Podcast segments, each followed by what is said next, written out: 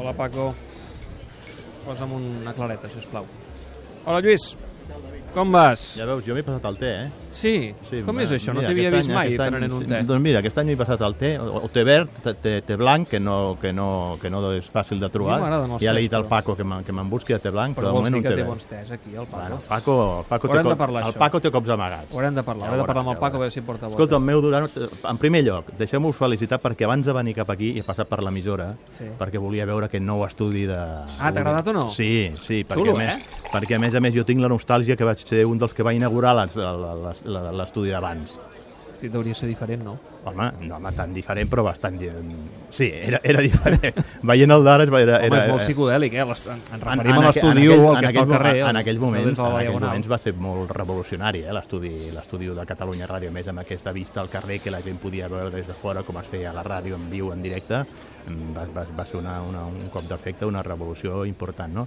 I, i, I veient avui el nou estudi m'he recordat de l'anècdota del programa inaugural, que va ser un programa molt coral, on no tan sols, òbviament, no era d'esport, sinó que interveníem doncs, els diversos depart departaments de la casa. Jo entrevistava, entre d'altres, el Carles Cardús, el pilot de, de motos, Ah. i em vaig equivocar, li vaig dir Cardes Cardús. Cardes Cardús. Cardes. Cardús. I això ja va quedar el tall per, per, per la història. Bueno, aleshores no existia l'APM i afortunadament Ah, em vaig mira. salvar de que m'ho haguessin, haguessin de, de repetir contínuament. Sí, sí, jo no l'he sentit mai, eh, aquest document, però vaja. I després, quan venia cap aquí, cap al bar, a la ràdio, he sentit, m'heu donat una alegria. Amb això d'André Gómez m'heu donat una... Ah, jo, crec, jo, crec, val. jo crec que a bastants culers eh, se'ls ha donat una alegria quan han sabut que André Gómez és a la porta de sortida del Barça perquè malauradament ha estat una de les grans decepcions d'aquests últims mercats de fitxatge del Barça. És veritat i, i No està tancat, eh, però. O sigui, el Home, tema és que no ha viatjat a Vitoria perquè si, podria si marxar... Hem de fer, si hem de fer el teatre d'una sessió, no crec que sigui la millor operació Home, no pel entenc que, Barça. evidentment, al Barça no, no li interessa, no no vol la que sessió, que, sigui- és el que vol la Juve, però Ah, no, vol un traspàs. Sobretot la Juventus, que no serà que no té calés, no? Amb el que ha tocat en els últims anys en traspàs. I vol un bon traspàs al Barça, no es Clar. conformarà, evidentment, i entenc Home, que és, és jo lògic crec, i normal jo crec que com, com a mínim el Barça, com a mínim el Barça ha d'estar pels 30 milions, com a mínim.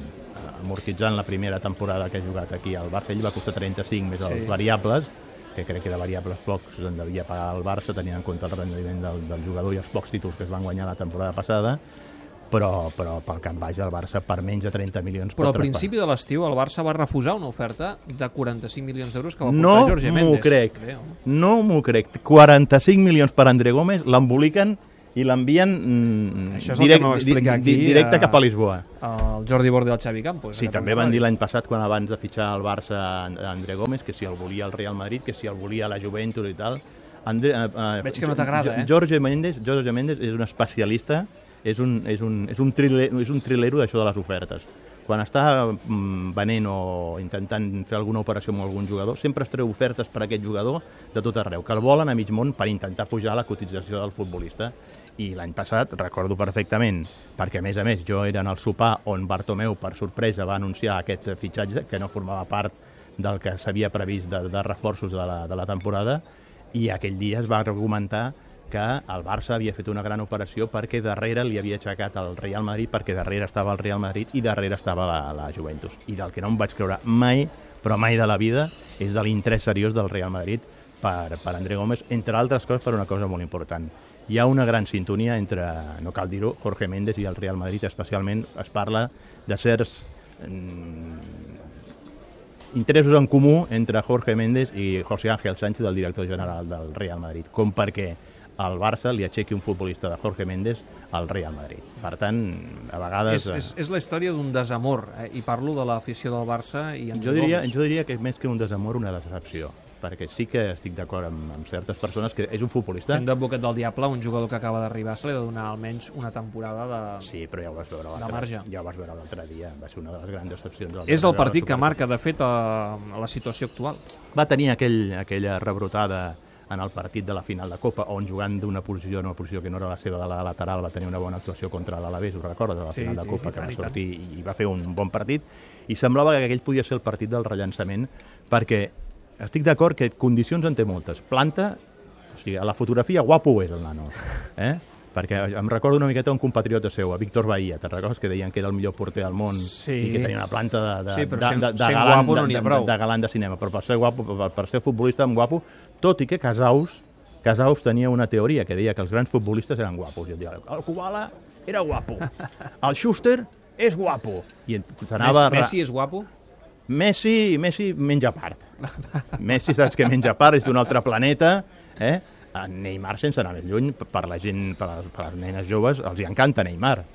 I és un, futbol, i és un tros de futbolista, encara que Bé, ara sigui el, eh, eh, és encara que, que- ara sigui el Paris Saint-Germain. I Ara no em ve ni, cap futbolista que no hagi sigut guapo, que, que hagi estat un gran futbolista, però segur que n'hi ha moltíssims. Vull dir, és coses del casal. Bueno, Uh, uh, el que sí que és evident és que André Gómez no ha tingut mai uh, uh, la connexió amb l'afició del Barça. no, no és un problema de connexió. I el, I el culer ara, per exemple, o sigui, reacciona, creus tu, com, com tu? És a dir, està content eh, No, sabent home, que pot a més marxar? el culer, el culer és conscient, el culer, el culer sap fer números, sap que el Barça està fent una despesa importantíssima en reforços. Però jo crec que l'afició no mira mai el tema dels Bueno, calés. sí, però sap no que... sé. Ah, ja ho sé, l'afició el, el que vol és El que vol és que- el, que que juguin, guanyar que i vol títols. L'afició vol títols i guanyar i passar-s'ho bé i veient espectacle. crec que no miren tant el tema Bueno, però sap que el Barça ha de, ha de fer calaix en vendes per compensar la despesa que, que està fent en fitxatges, tot i que ha ingressat molt amb, el, amb, amb la sortida de Neymar, però no n'hi ha prou, perquè entre els 145, que ara en parlarem d'això, de, De Dembélé. de Dembélé, més el que t'has gastat per uh, Paulinho, més el que t'has gastat... Deulofeu, eh, 12 amb, milions. Amb, amb el que t'has gastat amb Semedo,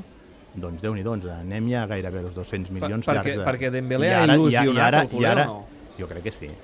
Jo crec que sí. Està il·lusionat, el Dembélé és un molt bon futbolista. El Barça, si tanca Dembélé... Bueno, ja l'ha tancat.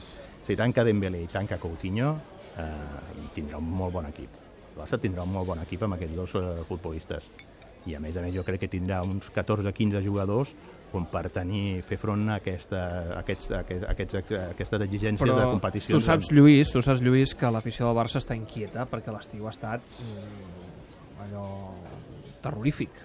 No, i la ha passat de tot. I la setmana, aquesta última ha estat el millor, l'exemple més clar, de, de la disbauxa que hi ha hagut un dia que si era serí, l'altre dia l'endemà que ja no és serí, que ara anem cap a una altra direcció, Els cops de timó constants. que Aleshores, si, la està, pregunta que és... si Messi està firmat, que si amb, Messi no amb està Dembélé firmat... i amb Coutinho calmem a la fera i que m'entengui bé la gent, eh? la fera seria la, la gran massa, el barcelonisme la gent es tranquil·litzarà i dirà, bé eh, ja no apuntem cap Jo, a la llotja jo aquesta setmana Calmarem els jo, jo aficionats. aquesta setmana m'he ocupat de mirar vídeos d'aquests jugadors i són dos futbolistes que marquen diferències. Són dos molt bons jugadors. no, Una són, altra- una no altra són co- Neymar eh? ni ho seran Dembélé dona-li temps, eh? sí? Estem parlant d'un nano de 20 anys, eh? Que tot just ha jugat dues temporades a, a nivell professional, eh? És un tio que desequilibra, eh? És un jugador que belluga les dues cames, que té molta profunditat, va ser el màxim assistent de la Bundesliga de, de la temporada passada i és un jugador desequilibrant. És a dir, jo crec que Dembélé té molt de recorregut. Neymar va venir amb 21 anys, ara en tenia 25. Dembélé només en té 20. Per tant, jo crec que és un jugador que té, té molt de, de trajecte per fer i té molt marge de millora. És un molt bon eh, jugador. Que s'ha d'adaptar a la manera de jugar al Barça, amb menys espais, amb espais més reduïts, això és, és obvi, no, no, no, no és arribar i triomfar. Però és un jugador que a més ja ve contrastat, eh, que, que, que ve rodat en el futbol europeu i per tant jo crec que és un molt bon jugador i un molt bon fitxatge. Per substituir Neymar jo crec que no hi havia millor. Jo era dels que més m'hagués agradat Mbappé, però també entenc que juga en una posició diferent, que s'hagués hagut de 180 reajustar quilos, més. eh, també 180 quilos. escolta'm eh, Ara, també diré una cosa, perdona. Tant de bo, quan es parla tot això de les variables i que si 40 milions de variables per Dembélé, tant de bo s'acabin pagant aquestes variables, perquè això serà símptoma que el Barça haurà Que guanyat títols, bé, que. Dembélé ha triomfat, que ha jugat partits i que, per tant, que està en el podi de la pilota d'or, per tant, que ha estat un fitxatge final el que marca si el, el preu és barat o no és el rendiment del jugador. I si aconsegueix arribar a tots aquests variables Dembélé, serà el millor símptoma de que ha estat un bon fitxatge. i avui que hi ha gran expectació entre el barcelonisme per veure Paulinho Bueno, si debuta. Home, és una opció Jo crec que minuts tindrà.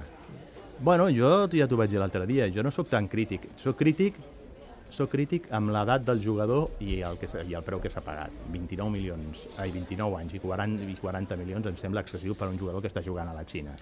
Però també sóc dels que penso que aquest perfil de jugador al Barça no, no el tenia. Algú que posi més presència física en el mig del camp. I torno a dir, ja no es tracta de tenir un molt bon 11 titular com, com podria tenir amb Dembélé i amb Coutinho, sinó de tenir 14-15 jugadors, que és una miqueta el que té en aquests moments el Real Madrid, que té un, un, un 15 de gala que pot anar rotant, pot anar alternant Zinedine Zidane sense que, sense que re- ressenteixi el rendiment de, de, de l'equip. Al És a dir, final, eh, com ha passat tota la vida, els resultats seran els que mm, marcaran si la feina s'ha fet ben feta o no s'ha fet ben feta. El que és evident és que aquests cops de timó han generat molta inestabilitat i que el Barça ha començat la temporada Això doncs, és, això és indiscutible i... la gent està molt mosca perquè, perquè ja, torno a dir un dia, un dia a principi de temporada havien de ser Bellerín i Berrati, es van esfumar pel, pel, pel camí, de sobte va aparèixer Paulinho, que no s'entenia molt bé que quan pintava Paulinho aquí al, al, al Barça i sobretot per l'edat i el preu d'aquest eh, jugador, però insisteixo, és un perfil de futbolista que igual li fa falta al Barça, és una mena de, de, de Torella ja, una mena de, de Keita que no tenia el Barça en aquesta plantilla actual i amb l'arribada de Coutinho és un jugador que va molt bé entre línies. Et veig que- molt enamorat de- ja des d'abans de l'estiu amb Coutinho, eh? Veig que és un jugador que, que té el cor robat. Tu, si, tu ja saps que si a mi Koeman em diu que és un bon Doncs sí, fitxatge, sé, ja doncs sé. jo faig, faig quan, quan cap. va ser que vam anar a veure el Koeman? Però el Eh, mes de maig, el no? mes de El maig, mes de maig, sí. bueno, s'acostava principis de maig, principis sí, de maig. sí, sí, sí. I, I tu ja tenies Coutinho al cap, eh? Que li vas preguntar al Ronald. No, Sí, sí. jo en aquella època i eh, m'hagués estimat més Berrati, eh? M'hagués estimat més Berrati. Però mm, si busquem un substitut d'Andrés Iniesta és més Coutinho que no pas eh, Berrati. Berrati seria més un substitut de, de, de, de, de Xavi Hernández i possiblement no és un jugador tan desequilibrant. Passa que fa, fa mal a l'oïda sentir substitut d'Iniesta, substitut de Xavi. Jo crec que aquests jugadors no són substituïbles perquè no, tenen jugadors similars. evi- Evidentment no hi ha calcomanies, no hi ha una No. no. rèplica d'aquests jugadors, però s'ha de buscar un jugadors que ocupin aquesta demarcació i per tant és més semblant eh, Coutinho a, a Andrés Iniesta que ho podria ser a Xavi. El Xavi és més un estil com el de Berrati. Fa bona olor el teu te. Eh que sí? Sí, sí. Més, li poses unes gotetes de llimona i escolta'm, entra, entra, entra, entra Paco, posa'm en un per emportar. Escolta, me'n vaig cap a la redacció. Que vagi molt bé. eh? Vinga, adéu, Lluís. Adéu, Paco.